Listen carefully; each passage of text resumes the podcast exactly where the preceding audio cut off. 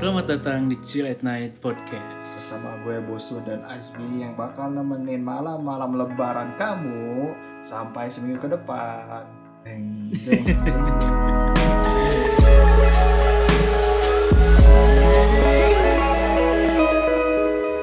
Allahu Akbar, Allahu Akbar. La ilaha illallah, Allahu Akbar. Allahu Akbar walillahil hamd. Tuh, kangen banget suara itu.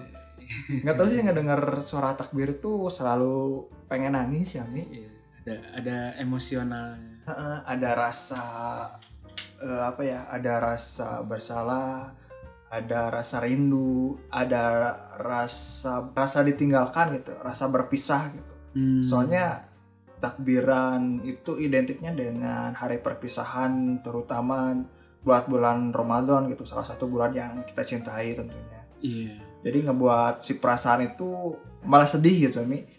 Malah Hmm. keinget kita tuh rasa sia-sia di bulan Ramadan ini kita nggak maksimalin gitu. Dan kalau dengerin takbiran itu rasanya itu benar-benar kita itu kecil banget gitu. Ah bener banget. kita itu ngerasa- nggak ada apa-apanya gitu. Hmm, setuju benar. Kita ngerasa kita nggak ada apa-apanya gitu. Kita dibandingin sama apa yang ada di dunia itu kita lebih kecil daripada debu gitu kalau lihat di luar angkasa. Hmm, Dan kadang walaupun kita kecil tuh kita ngerasa tolak kita tuh udah besar banget gitu. Kita udah ngerasa kayak udah ma- udah dapat apa pun. Kita ngerasa Hmm. bahwa kita tuh bisa memiliki segalanya. Padahal itu ternyata makhluk kecil gitu. Iya. Dan itu kerasa banget ketika kita denger takbiran atau Ah, malah ketika kita ikut baca takbiran Ah. itu kerasa banget kita itu ah betul-betul kecil gitu. banget tuh ngerasa kayak nggak ada apa-apanya gitu kita Hmm. ngerasa bahwa kita tuh ya tidak berdaya dengan sesuatu yang ada di dunia ini gitu Eh, tanpa kuasa Allah tanpa kuasa sang pencipta itu ngerasa emang benar-benar tidak punya apa-apa gitu. Hmm. jadi pas kita ya pas ngebacain takbir terus apalagi takbir mau lebaran itu hati itu bergetar gitu. Ya, bergetar pengen nangis terus pengen tobat. Pokoknya semua kalau kesah itu keluar itu ketika takbiran itu. Hmm, jadi itu bentuk apa ya? Bentuk pemasrahan kita gitu ya. Hmm. Ketika baca Allahu Akbar itu kita betul-betul kita itu betul-betul kecil karena yang Hmm. besar itu hanya Allah. ya memang udah apa ya sekarang Eh, udah ini ini podcastnya podcastnya sekarang sebenarnya ini dilakam sebelum eh, Idul Fitri ya Iya. tapi ini bakal tayang di Idul pas Idul Fitri buat nemenin kalian Jadi jadi pembahasan kali ini kita bakal ngebahas tentang Idul Fitri gitu eh nanti Apa? kita ucapkan selamat dulu oh iya buat teman-teman kita. ya. Selamat Hari Raya Idul, Fitri, ya. Apa? Taqabbalallahu minna wa minkum. Ya mana. Gak minal aidin nih. Boleh. Tapi beda. Yang benar yang mana sih minal aidin? Atau minal aidin tuh artinya minta maaf? Kan banyak tuh eh, minal aidin wal faidin. Terus nggak ngomong lagi gitu. saya min- saya minal aidin wal faidin ya gitu. Saya minal aidin wal faidin ya gitu. Iya. Apakah minal aidin itu artinya saya meminta maaf gitu atau kayak gimana sih soalnya? jadi mungkin ya, mungkin beberapa orang nganggap minal aizin wal faizin itu artinya mohon maaf lahir batin. Ah, ya iya. Soalnya kan kalau secara bunyi itu kan rada-rada apa istilahnya teh berima. berima, ah, Berima. berima. Minal aizin wal faizin, faidin, mohon maaf lahir batin. Kayak pantun sih. ya, tapi sebenarnya kan bukan Tapi itu, sebetulnya kan. bukan itu artinya. artinya apa? Jadi minal aizin wal faizin itu sebetulnya ungkapan dari salah satu penyair dulu. Nah, eh, artinya minal aizin wal faizin itu kan bahasa Arab ya. Min itu artinya dari. Al aidin orang yang kembali. Ya, Wa artinya dan. dan. Al faizin artinya orang yang berhasil. Hmm. Nah, jadi kalau digabungin minal aidin wal faizin dari golongan orang yang kembali Hmm. Dan orang yang berhasil. Oh. Nah, itu. Jadi itu sebetulnya harapan, harapan ya harapan dan doa mungkin ya. harapan dan doa agar mudah-mudahan kita termasuk ke dalam orang yang kembali ke jalan yang lurus, ke Ya. jalan yang benar, ke jalan kebaikan, wal faizin dan termasuk ke dalam golongan orang-orang yang berhasil gitu. jadi sebenarnya artinya kan bukan Bukan mohon maaf lahir batin. tapi sebuah doa untuk kita bisa lebih konsisten gitu Ya. menjalankan Kebaikan-kebaikan. yang kita udah lakukan di bulan selanjutnya Mm-mm. jadi mungkin buat para chillers ntar bisa diganti gitu jadi jangan jangan salah persepsi lagi kalau minal adin wal faidin itu artinya mohon maaf dan lahir batin Hmm. gitu Jadi- Sebetulnya boleh ngucapin minal Oh iya, wal faizin, asal boleh. tahu artinya apa. Nah itu sih sebenarnya kebanyakan ya. Jadi eh minal aidin wal faidin ya gitu. Apa gitu. Jadi dia tuh minta maaf atau apa gitu. Kan jadinya salah salah persepsi mengenai arti dari minal aidin wal faidin itu sendiri. Hmm. Sementara yang yang banyak sih yang orang dengar kebanyakan sekarang udah mulai nih kayak taqabbalallahu minna wa minkum kan. Ya itu sekarang orang-orang mulai banyak yang tahu tentang doa Hmm. ini. Kayaknya emang mulai eh, mulai pada tahu lah, mulai pada diajarin gitu. Mm-mm. sekarang kan banyak informasi mungkin jadi mungkin ada beberapa yang lebih aware terus dia mencari tahu sebenarnya apa arti mina wal faidin atau ungkapan apa yang harus kita ucapkan ketika lebaran mungkin. Akhirnya ketemu itu. Sekarang ya ma- banyak sih sekarang. Dulu tuh jarang yang banget yang ungkapin taqabbalallahu ya kebanyakan minal aidin wal faidin gitu. Mm. Dan taqabbalallahu minna wa minkum itu sudah dilakukan sejak zaman para sahabat ya. artinya sama minta maaf lahir dan batin Bukan, bukan, bukan. oh ya jelasin nih takutnya kan nyangkanya taqabbalallahu minna wa minkum ya itu minta maaf lahir dan batin gitu Enggak, enggak, enggak. Jadi taqabbalallahu minna wa minkum itu artinya ya kalau ini mau dilangsungin atau per kata? bebas yang simpel aja sih yang mudah dimengerti Oh, Yang mudah langsung aja ya. Jadi artinya itu taqabbalallahu minna wa minkum. Semoga Allah menerima dari kami dan dari kalian. Jadi intinya doa juga ya Intinya doa. doa juga Dan eh, mudah-mudahan segala apa pun kebaikan amal ibadah kita diterima di sisi Allah. Amin. berarti jawabannya apa nih kalau misalkan ada yang ngomong nih taqabbalallahu minna wa minkum Hmm? kadang suka bingung nih termasuk gua kadang Hmm. ketika ada yang ngomong taqabbalallahu minna wa minkum pasti balasnya taqabbalallahu gitu Hmm. apakah balasnya amin atau sebagainya. Soalnya kan itu doa bentuknya Doa itu bisa pakai amin Hmm. atau bisa didoakan kembali gitu. Misalnya Taqabbalallahu lagi ah, taqabbalallahu minna minkum dibalas taqabbalallahu minna minkum. hmm gitu jadi bisa amin bisa balik lagi taqabbalallahu Bisa. ya soalnya kayak gitu kalau dulu juga pernah gitu kayak minal aidin wal faidin minal aidin. Minal aidin. jadi balasnya tuh bukan amin atau sama-sama atau apa tapi dia balasnya tuh kata itu juga Ah, gitu ah. makanya dulu tuh suka canggung bukan canggungnya suka bingung jawabnya kalau ada yang ngomong minal aidin tuh Terutama karena kita nggak tahu artinya kan ya. ya itu sebenarnya nggak tahu artinya jadi kita bingung untuk meresponnya seperti apa Iya. tapi sekarang udah tahu tahu. Azmi yang memberitahu salah satu orang yang soleh di sini yang agamanya kuat daripada saya Ah, kita sama-sama kan. sama Sama-sama belajar. ya sama belajar bisa zamannya lebih paham dan bisa ngasih insight buat kalian jadi eh, buat kalian yang mendengarkan ini ntar kalau lebaran pakainya taqabbalallahu ya jadi biar lebih enak aja balasnya itu ya mau taqabbalallahu boleh mau amin boleh Iya. dan ingat bahwa minal aidin wal faidin itu bukan Bukan mohon maaf bukan lahir mohon dan batin. batin ya oke Iya. Sekarang Seperti kita biasa. lanjut ya baca dulu lah Eh, eh, seperti biasa kita baca surat dulu. kita surat kita, Kita dapat surat.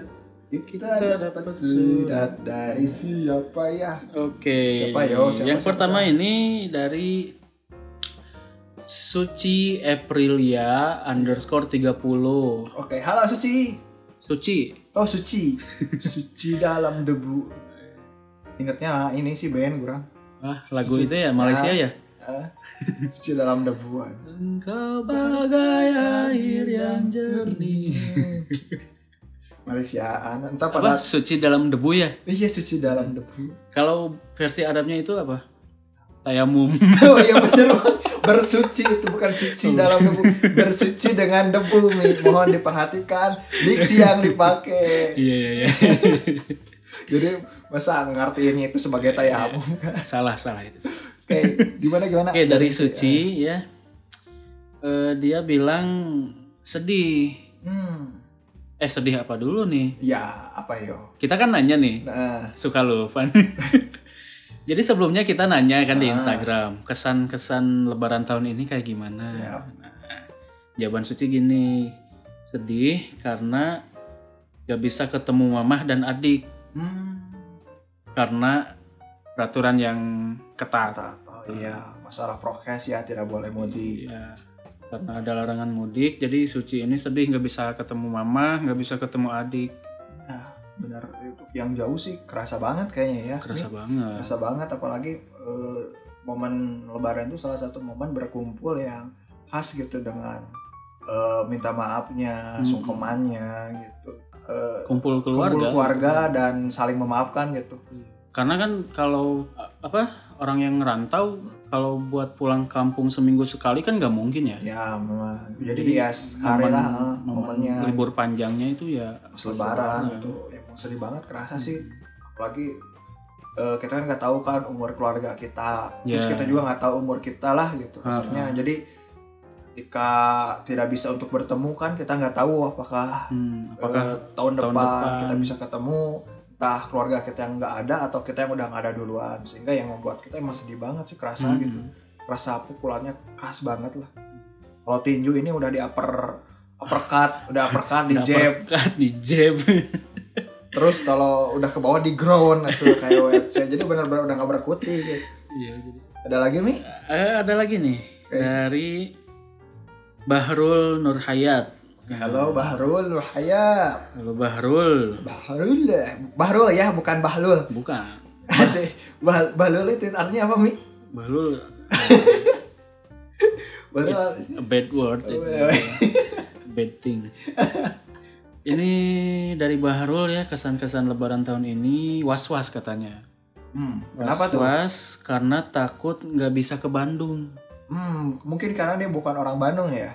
Bukan gitu, karena Gimana? dia orang Bandung tapi lagi Oh ngerantau. iya, iya, maksud orang tuh gitu. dia dia itu orang rantau gitu mau pulang ke Bandung Iya. gitu. Jadi was-was tapi takut nggak bisa. hmm, ya soalnya kan yang ditakutin teh udah di tengah jalan tiba-tiba kan disuruh putar balik gitu. Hmm. Kan nggak nggak enak gitu. Bahkan ini orang lihat beberapa videonya yang disuruh putar balik tuh sampai ada yang nangis loh. Mm-mm. Ada yang nangis, ada yang mohon-mohon yang cewek itu ya? Ya, yang cewek nangis gitu. Dia Hmm. udah jauh-jauh bawa barang mau mudik nggak bisa gitu. Ya Iya. gimana sih emang peraturan gitu. Hmm, Jadi gimana ya?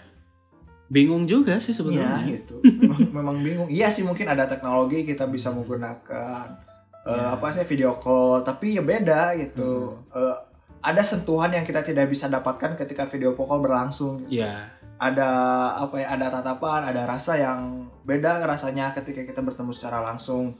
Ikatan Hmm. emosionalnya emang agak tidak terlalu kuat ya ketika misalkan kita menggunakan facecam gitu Hmm. ketika ketemu kan kerasa gitu lebih deep lagi gitu lebih berkesan lagi si momennya ketimbang cuman facecam aja Hmm, ya.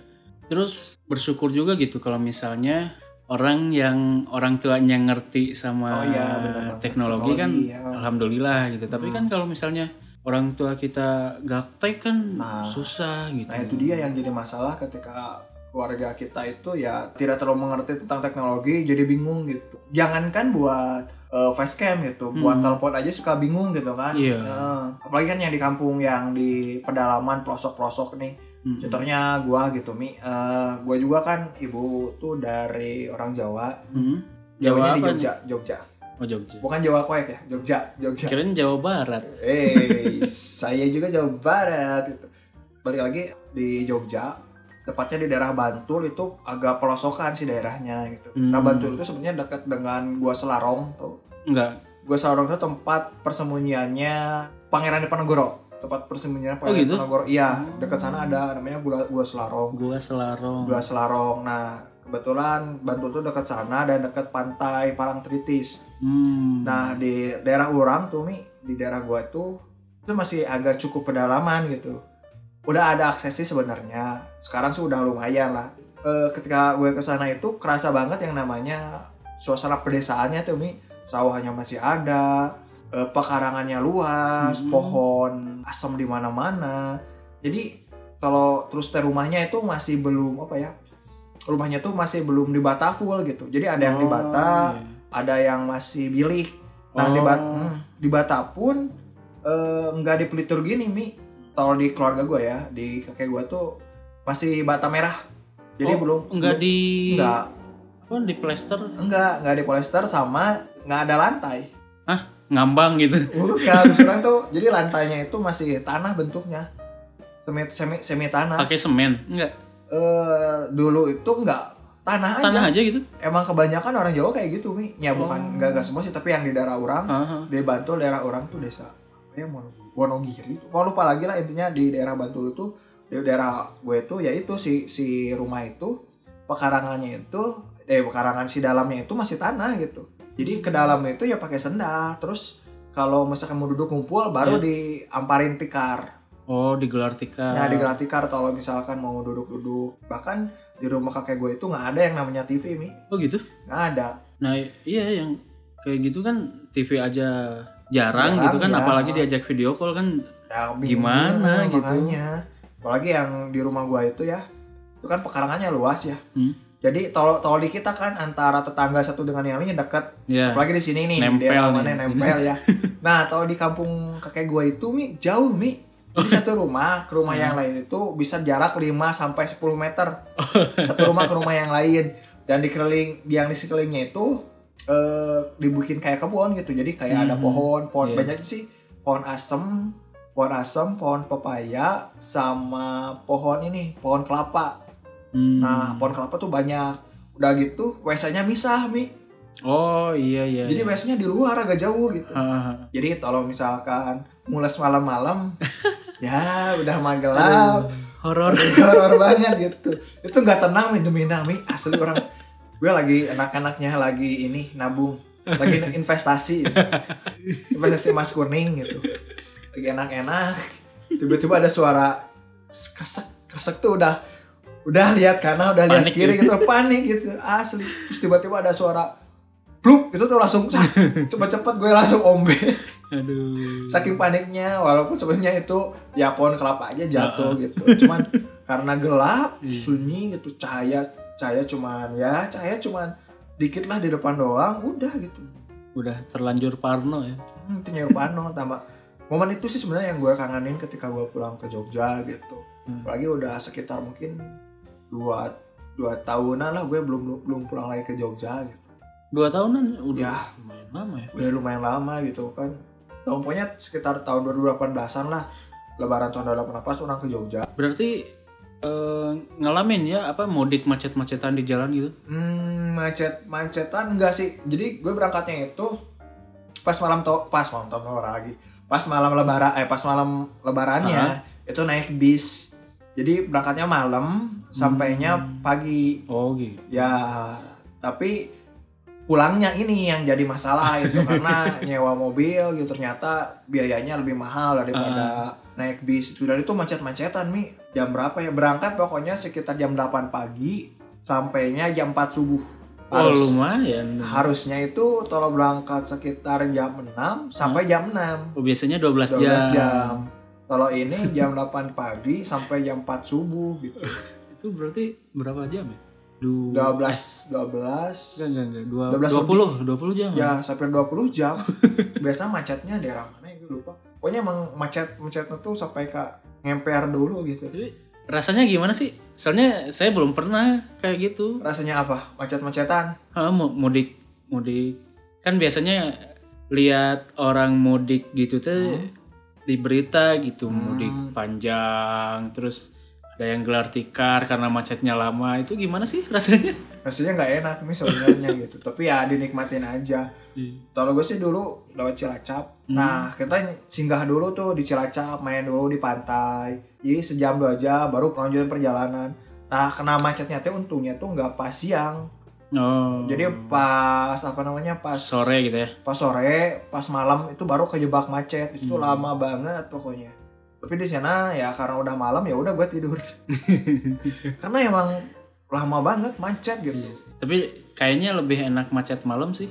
emang lebih enak macet malam sih lebih adem daripada siang siang eh, Siang kan panas banget ya. panas banget asli apalagi itu AC kalau misalkan di dalam AC ngabisin bensin kan kalau malam ya enggak terlalu gitu paling Hmm. agak sumpah-sumpah biasa aja sih Tapi ya seru ya. seru banget sih mudik tuh adalah sebuah fenomena yang eh sebenarnya hanya ada di Indonesia sih kan mudik itu eh, artinya tuh kan dari bahasa Jawa Hmm? mulai disik Mulai di sini. mulai disik artinya pulang sebentar gitu jadi itu kan pernah rame tuh antara mudik sama pulang kampung gitu. Hmm. kenapa bisa rame kan sebagainya? Karena ya eh, mudik itu istilahnya mulai disik yang di mana kita cuman singgah aja gitu. Hmm. pulang cuma sebentar lalu balik lagi sementara pulang kampung itu ya udah kita balik ke kampung dan nggak kembali kali ke kota gitu. Dan emang mudik ini udah jadi apa ya? Udah jadi kayak karakteristik lebaran itu sendiri Iya, nih. udah jadi tradisi tahunan gitu. ya soalnya tidak mudik itu tidak afdol gitu Hmm. tidak mudik itu tidak afdol lebarannya kurang gitu bos ada yang kurang gitu kalau misalkan eh, nggak mudik Hmm. kalau mana emang emang mudik paling jauh ke mana Paling jauh, oh, jauh banget sih. ke mana? Perjalanannya itu sekitar 30 menit. itu deket nih ngalahin kata iya lah dari Cimahi ke Bandung doang. mana daerah mana Gatsu oh Gatsu itu mah ngalengkah we mi Iya, soalnya kan eh, keluarga mamah di Bandung, keluarga papa di Bandung. Jadi ya situ-situ aja. tapi mi biasanya mana mau mudik kalau kenapa aja sih kebiasaan mana yang dilakukan ketika lebaran pas mudik nih Ah, kalau pas mudik itu biasanya dulu ya, kalau pas Ah. kecil itu hari pertama di rumah nenek. Sholat Id kan, sholat Hmm. Id pagi-pagi eh, beres sholat sungkeman di rumah nenek di keluarga mama. Hmm. Sungkeman beres, terus pindah ke rumah nenek keluarga papa. Hmm. Sungkeman beres. Nah, siangnya itu biasanya ke Soreang. oh soreang ngapain tuh ada keluarga juga atau Ada keluarga Oh, juga, ada keluarga juga. saudaranya nenek. Hmm. Nah, itu juga tiap tahun dulu. Nah, terus hari kedua itu ada kumpul keluarga lagi. Keluarga Uyut. Dari Uyut itu kan ada beberapa anak, salah satunya kakek. Nah, dari situ kumpul gitu. Apa semua keluarga besar itu hari kedua. Terus hari ketiganya apa ya? Eh, biasanya main gitu jalan-jalan ya liburan mungkin ya. Liburan lah. Beja- berarti nggak jauh beda ya. Mungkin emang kayak gitu ya si kebiasaan biasa lebaran salah satunya itu Hmm. sungkeman. Tapi di mana itu sungkemannya apa nyuci kaki orang tua tuh nyuci kaki ibu? Enggak sih. Nah kalau di Jawa itu ada yang namanya tuh sungkemannya itu yaitu nyuci kaki ibu atau orang Hmm. tua kita.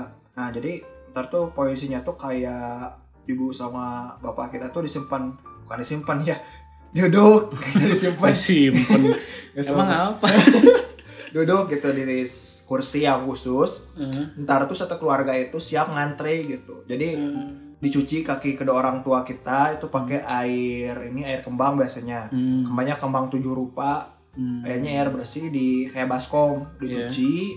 Udah dicuci ntar yang nyuci nyuci gitu udah beres nyuci dia nyeduk airnya terus diminum gitu diminum ya diminum gitu jadi semuanya kebagian buat minum jadi diciduk Hmm. Eh, maknanya tuh kayak kita tuh emang benar-benar harus menghormati orang tua Hmm.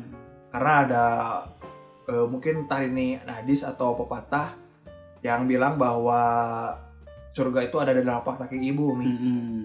kayaknya eh, ketika proses sungkeman atau istilahnya apa ya kalau nyuci gitu tuh gue lupa sih intinya nyuci kaki dan diminum tuh kita tuh istilahnya sangat berusaha untuk ham, bukan ha- hambal gitu apa ya intinya namanya menurunkan derajat kita gitu Hmm. di hadapan orang tua sampai sendah-rendahnya gitu dengan cara itu menyuci kaki lalu meminumnya Hmm. untuk nunjukin bahwa kita tuh tidak ada apa-apanya dibanding orang tua yang udah ngurus kita dari kecil sampai dewasa Hmm. apalagi ibu yang udah ngandung dari pertama gitu susah Iya. tidur kan Eh, kayak gitu lah Sakit pinggang. Sa- sakit pinggang terus susah kali itu kali berat gitu Hmm. sampai melahirkan dan membiayai kita sampai kita dewasa bentuk simbolisasi bahwa kita itu tidak ada apa-apanya dibandingkan mereka kita kita Hmm. harus hormat kepada mereka nah itu Iya. simbolisasinya dengan eh, cuci kaki dan minum air ini gitu karena itu Hmm. kayak merendah tidak merasa bahwa kita tuh lebih baik dari orang tua sebenarnya jadi ya cukup cukup unik sih gue karena gue emang terbiasa di Sunda agak aneh eh, bukan aneh ya istilahnya Kaget gitu. kultur ya kultur shock gitu jadi nggak nggak ikut gitu gue cuma lihat aja gitu karena emang nggak berani ya Hmm. Eh, selain keliling Tami Ya. itu ada kayak satu keluarga kalau gue kan di Jawa itu keluarga tuh besar banget Hmm. jadi itu tuh ada balai itu khusus buat ngumpul satu keluarga itu kayak apa ya Kalau di lebih Jawa mah pendop eh pendop apa namanya tuh oh ayo joglo. ya ah, kayak gitu jadi tuh banyak banget satu keluarga Hah? di berbagai, di berbagai macam daerah pulang kumpul datang itu tumplak di situ Hmm. ada mungkin 50 lebih dan kurang ya gue 50 pas- orang. iya Ya lebih masih kecil lah. lebih pokoknya banyak pokoknya dibandingin foto yang ada di Imah Mane Hah? itu lebih banyak mi Eh, itu foto tahun berapa? ya pokoknya sekian itu masalahnya mi orang nggak tahu itu siapa dan orang Eh. tuh salam satu-satu nggak beres-beres mi Iya sih. ini siapa salam terus salam salam salam capek malah capek salaman gitu maksud orang aduh cek orang teh capek salaman gitu Apalagi saudara dari adik nenek gitu ya. Wah, Kita benar kan itu. nggak kenal gitu. Nah, soalnya di sana tuh ada eh, jadi keturunan dari neneknya kayak uyut gitu Hah? ada masih ada hidup masih hidup Iya. Eh, jadi eh, ibu dari nenek itu masih ada Aha. tahu kan eh, ibu dari Iya, nenek Uyut, kan? Uyut. Uyut, terus punya anak-anak lagi kan di situ ngumpul-ngumpul semuanya kan Hmm. gue nggak tahu ini siapa Iya. ini siapa Padahal udah setahun sekali, udah berapa kali gitu ketemu tapi nggak kenal kenal. iya sih tapi emang kangen ya misalnya Jadi mentok gitu. paling ken, eh, apa? Tahu wajah doang, nggak tahu namanya. kalau gue nggak tahu aja nggak tahu nama taunya yang udah di di rumah aja gitu karena ya tapi anehnya kan gue tuh umur berapa ya sekitar umur 10 tahunan itu Hmm. mau di ke Jogja dulu itu di sana tuh masih zaman zamannya rental PS Oh iya. nah dulu tuh suka dulu tuh karena gue suka main PS Tahun berapa berarti ya?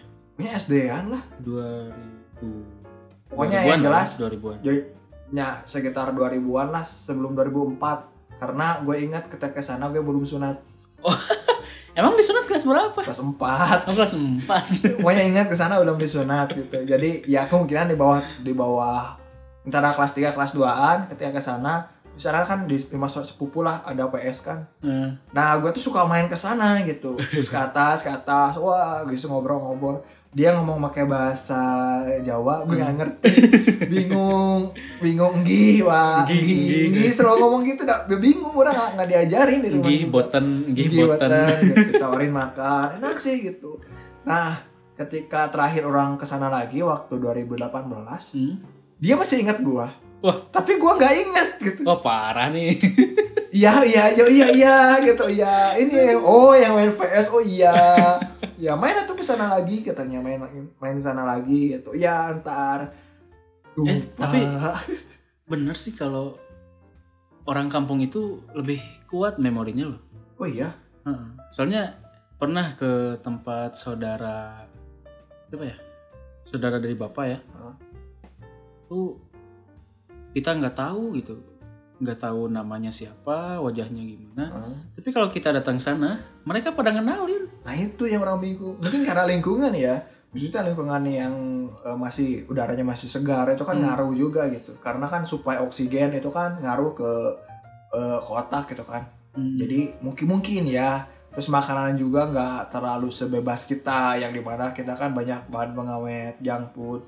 Hmm, hmm. Apalagi yang sehingga di kota kan ya terlalu inilah beda sama di di kampung, Kampung. yang eh, terus eh, kesehatan juga mungkin karena orang kampung kan lebih cenderung eh, kerjaan yang berat gitu Hmm, jadi sehingga eh, keringat keluar. ya? ker- keringat lebih keluar secara tidak langsung kerja sambil fitness gitu Iya. ya pengen ngarit yang semuanya jadi ya sehat sebenarnya dibandingin yang kerja kita yang diem atau kantoran kan yang di kota yang cuma diem kena AC eh, gak ke mana-mana makan Duduk, minum duduk aja berjam-jam. lama berjam-jam main komputer akhirnya kan ya emang agak kurang gitu kan Akhirnya gini nih hasilnya buncit. aduh fluffy siapin mulutnya perut fluffy gitu.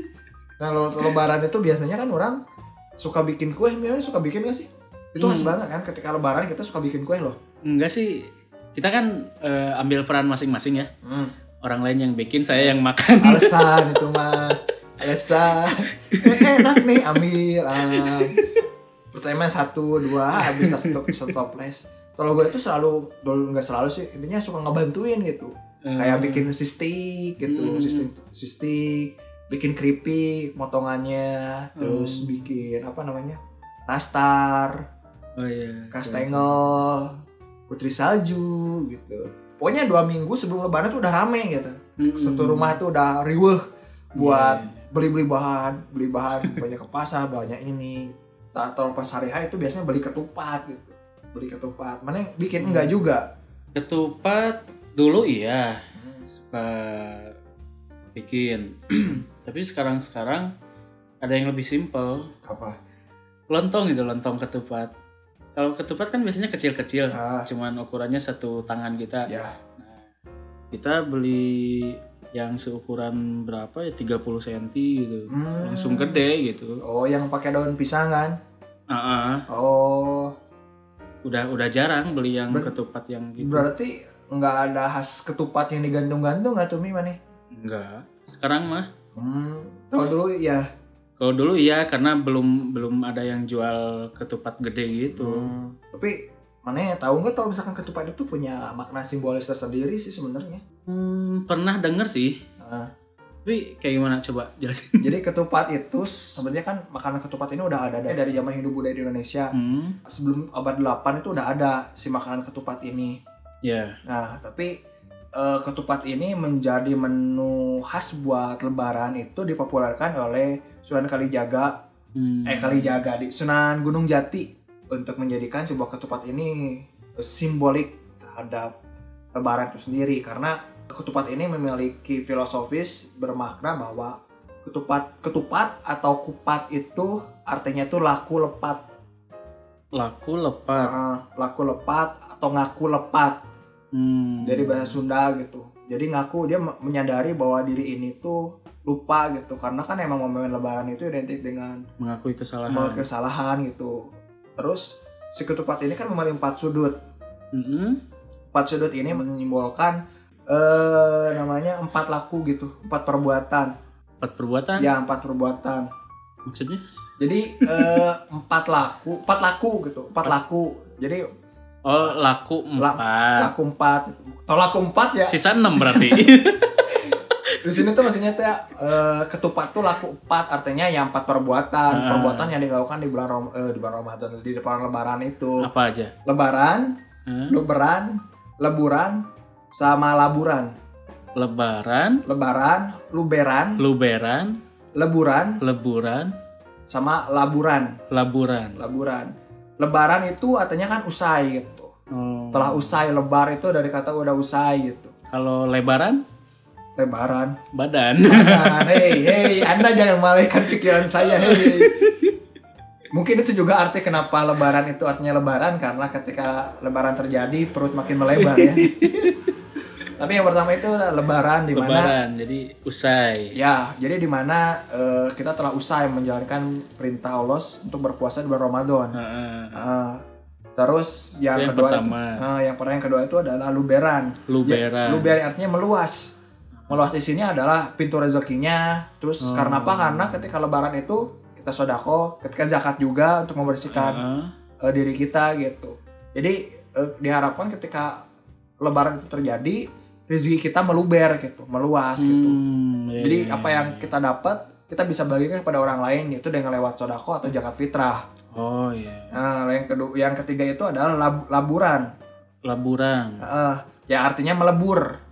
Jadi Hmm. dosa-dosa kita eh, bakal bakal habis atau melebur dengan kita berminta maaf. Gitu. Hmm. Jadi saling memaafkan satu sama lain. Akhirnya Iya, iya, kita kembali bersih kasarnya gitu. Jadi Ah. kita tidak eh, ketika beres Ramadan itu kita menjadi sosok pribadi yang baru gitu di Hmm, bulan ini. iya. Misalnya kalau dalam wayang itu kita tuh keluar dari kawah candra di muka.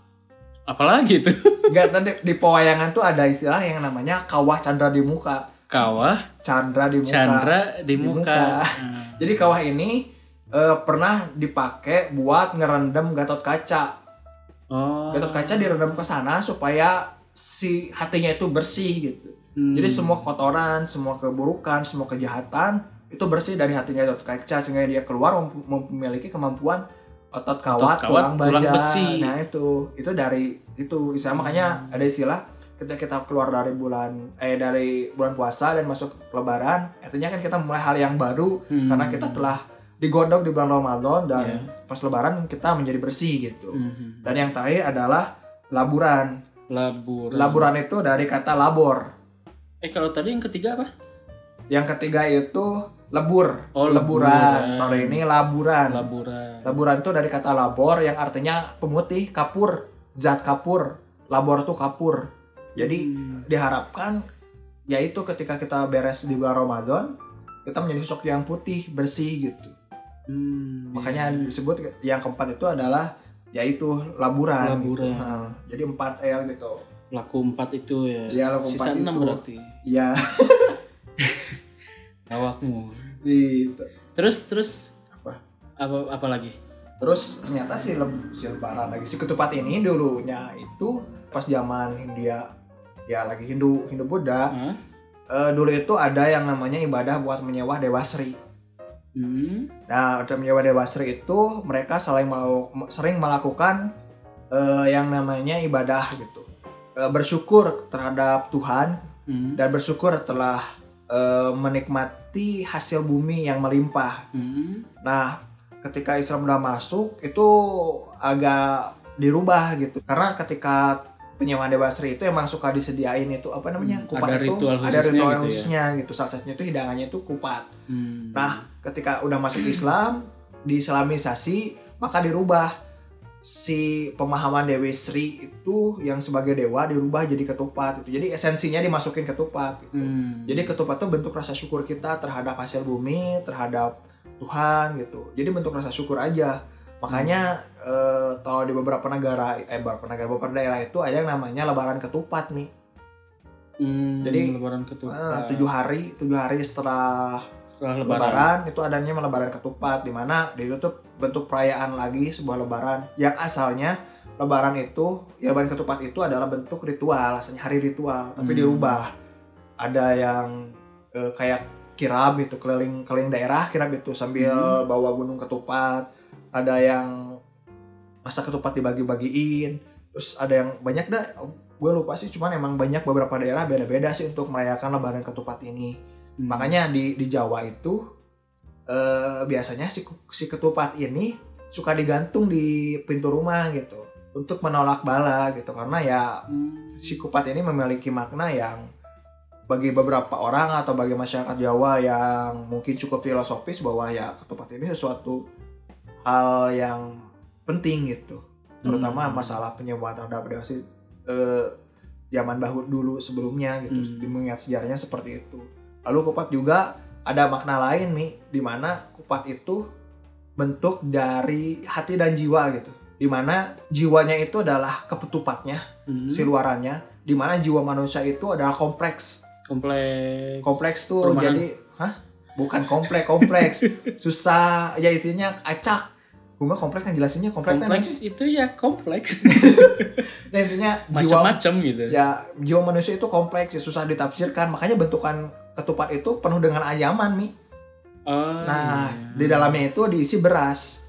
Beras Oh. itu hati nurani yang suci. Makanya di dalamnya ketika jiwa manusia itu telah dibelek artinya luaran manusia itu telah dibuka Mm-mm. di dalamnya itu ada hati nurani yang bersih Oh. makanya itu si filosofi dari Filosofinya kupat kayak gitu kayak ya. gitu sebenarnya cukup dalam sih si filosofi kupat itu sendiri sehingga Hmm. menjadi eh, trademark atau istilahnya logo khasnya lah Hmm. Idul Fitri Iya, tapi apa pun itu ya, bersyukur kita itu ya cuman buat satu aja gitu. Wah. Buat jadi apa pun hal itu gitu, apa pun filosofinya, oh kirain tuh apa pun makanannya bukan itu kita lagi nggak ngiklan, belum ada iklan di sini.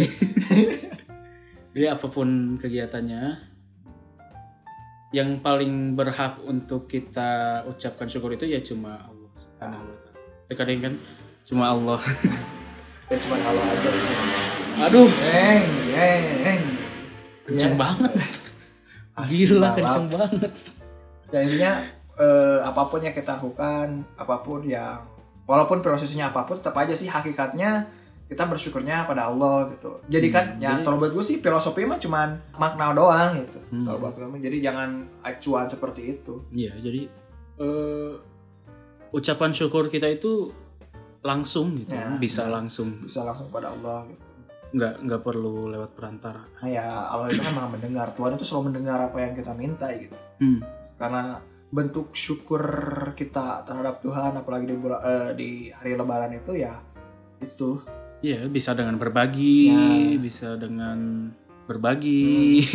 bisa dengan berbagi Iya. berbagi gitu ya intinya perbanyak rezeki lah itu ya per, Perbanyak eh, sedekah. nah, perbanyak sedekah eh, perbanyak sedekah dengan cara membukakan pintu rezeki untuk orang lain ah, iya. ya kan orang lain itu bisa dapat rezeki salah satunya bisa aja kita yang membukakan pintunya gitu kan Iya, dan dan emang kita. eh, dari sebagian harta kita itu kan emang ada milik orang lain. ya gitu. yang ya itu yang dijakatkan itu kan Heeh. berarti emang lebaran itu sesuatu yang eh Jadi itu sakral ya. lebaran itu apa ya?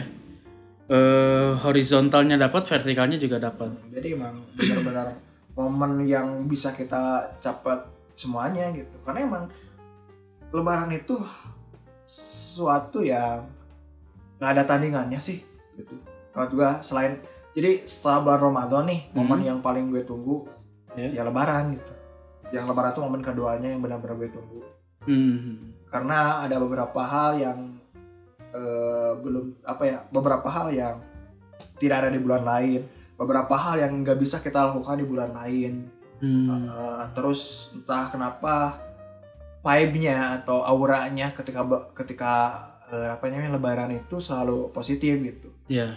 orang itu berlomba-lomba untuk meminta maaf itu walaupun sebenarnya emang minta maaf itu bisa kapan aja Hmm. tapi mungkin pas lebaran itu ada momen gitu ya. jadi menambah keberanian gitu kadang kan kalau di hari-hari yang lain tuh malu dan Mi. Hmm. ada malu mungkin karena ya mungkin satu dan lain hal tapi ketika lebaran ini momen untuk kita meminta maaf terus minta untuk dimaafin gitu terhadap apa yang kita lakukan intinya mau- eh, untuk melepaskan namanya istilahnya nih eh, dosa kita terhadap orang lain Ya. bisa dilakukan di bulan di Hmm. lebaran ini momen lebaran ini Dan kayak yang diomongin beberapa episode sebelumnya, jadi Hmm.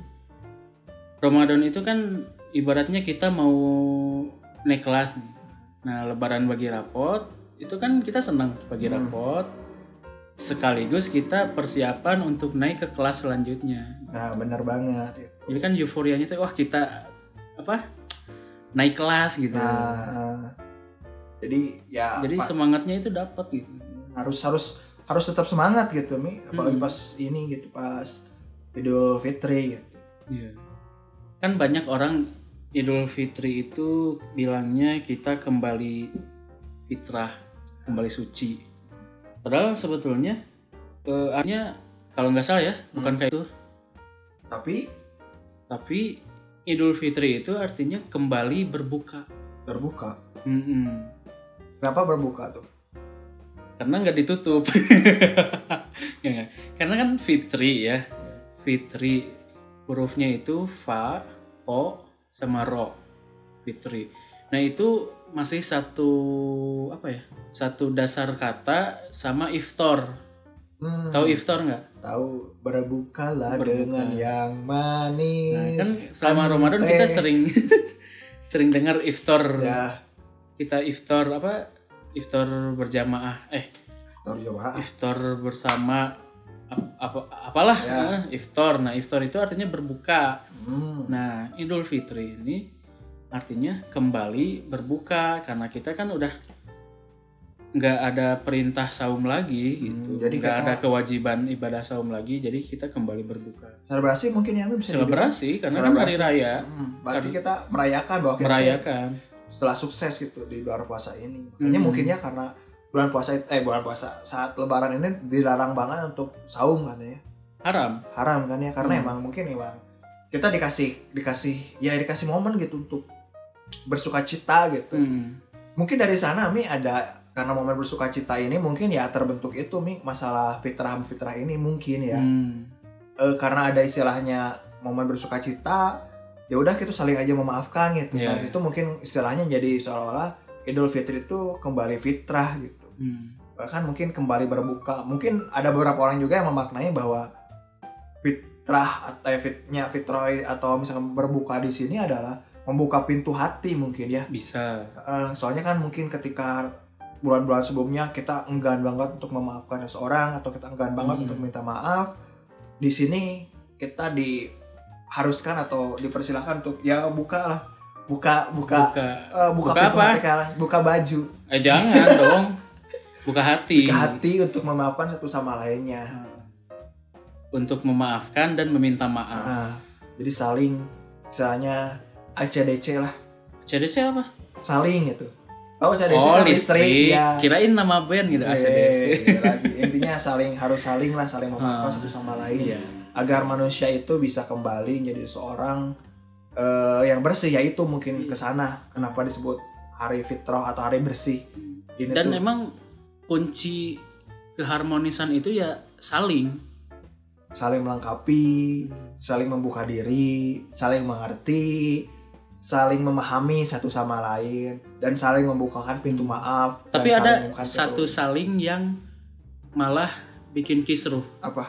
Saling menuntut saling memukul saling membunuh oh banyak saling menyiksa mi gak beres-beres mi keharmonisan dijaga itu kedua belah pihak Ya. gitu. Tadi kan kita di awal nanya kesan-kesan lebaran kayak gimana gitu. Dari chillers.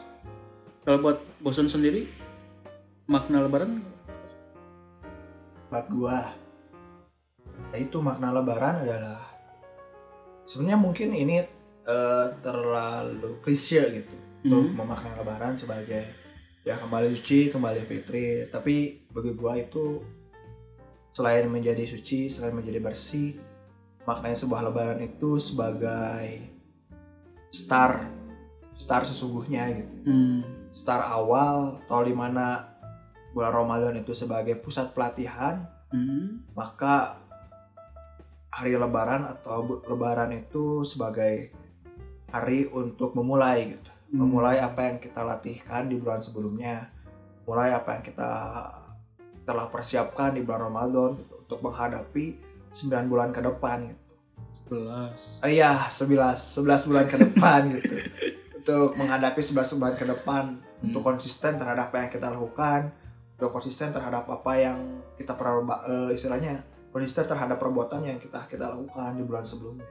Hmm. Jadi ya bagi gua makna lebaran itu adalah yang memulai gitu. Start awal kita untuk menghadapi hidup hidup dengan yang lebih baik.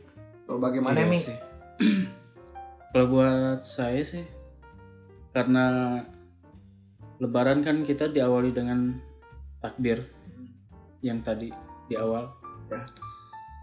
Kalau di akhir mah bukan takbir. Jadi apa ya dengan diawali takbir itu kita betul-betul sadar kalau kita itu nggak ada apa-apanya gitu. Kadang kita suka ngerasa apa ya ngerasa apa yang kita punya itu hasil dari kerja keras kita sendiri. Padahal kan bukan gitu. Padahal itu kan cuman titipan. Eh, ya jadi momen Lebaran itu momen apa ya kesadaran diri gitu. Jadi kita sadar kita itu di dunia cuman sebentar, kita nggak punya apa-apa, lahir nggak punya apa-apa, nanti meninggal pun kita cuman pakai kain kafan gitu. Jadi ya kita nggak nggak punya apa-apa di dunia ini gitu. Itu sih.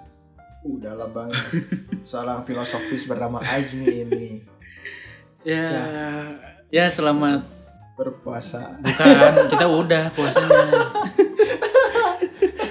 ya, selamat, Selamat Hari Hari Raya Raya Idul Idul Fitri. Mohon maaf lahir dan batin. Taqabbalallahu Minna wa minkum. Mudah-mudahan eh, kebaikan-kebaikan kita diterima di sisi Allah Amin. dan kita lanjutkan di bulan-bulan selanjutnya. Amin. Ayo, jadi jangan berhenti di bulan Ramadan. Ayo kita mulai kembali. Ayo nguli lagi. Ayo nguli pahala lagi. Nguli Ayo pahala ngepet lagi. pahala lagi. Yo mungkin segini dari kita eh, buat nemenin malam di bulan apa ya di bulan Syawal Ya, di momen Lebaran kalian. So semoga Lebaran kalian menyenangkan. Semoga liburan kalian itu penuh dengan makna ya, hati-hati jaga kesehatan Jaga jaga, kesehatan. prokes, eh. buat yang nggak bisa mudik bersabarlah ya, buat yang bisa mudik hati-hatilah ya. buat kita nih alhamdulillah Alhamdulillah. karena ini jadi konten ya untuk segitu dari gue Bosu dan ya, Azmi dan saya Azmi. Sampai, Sampai ketemu, ketemu di di Chill at Chill at Night Night selanjutnya. bye bye lebaran tiba Assalamualaikum. lebaran tiba lebaran tiba Oh, yeah.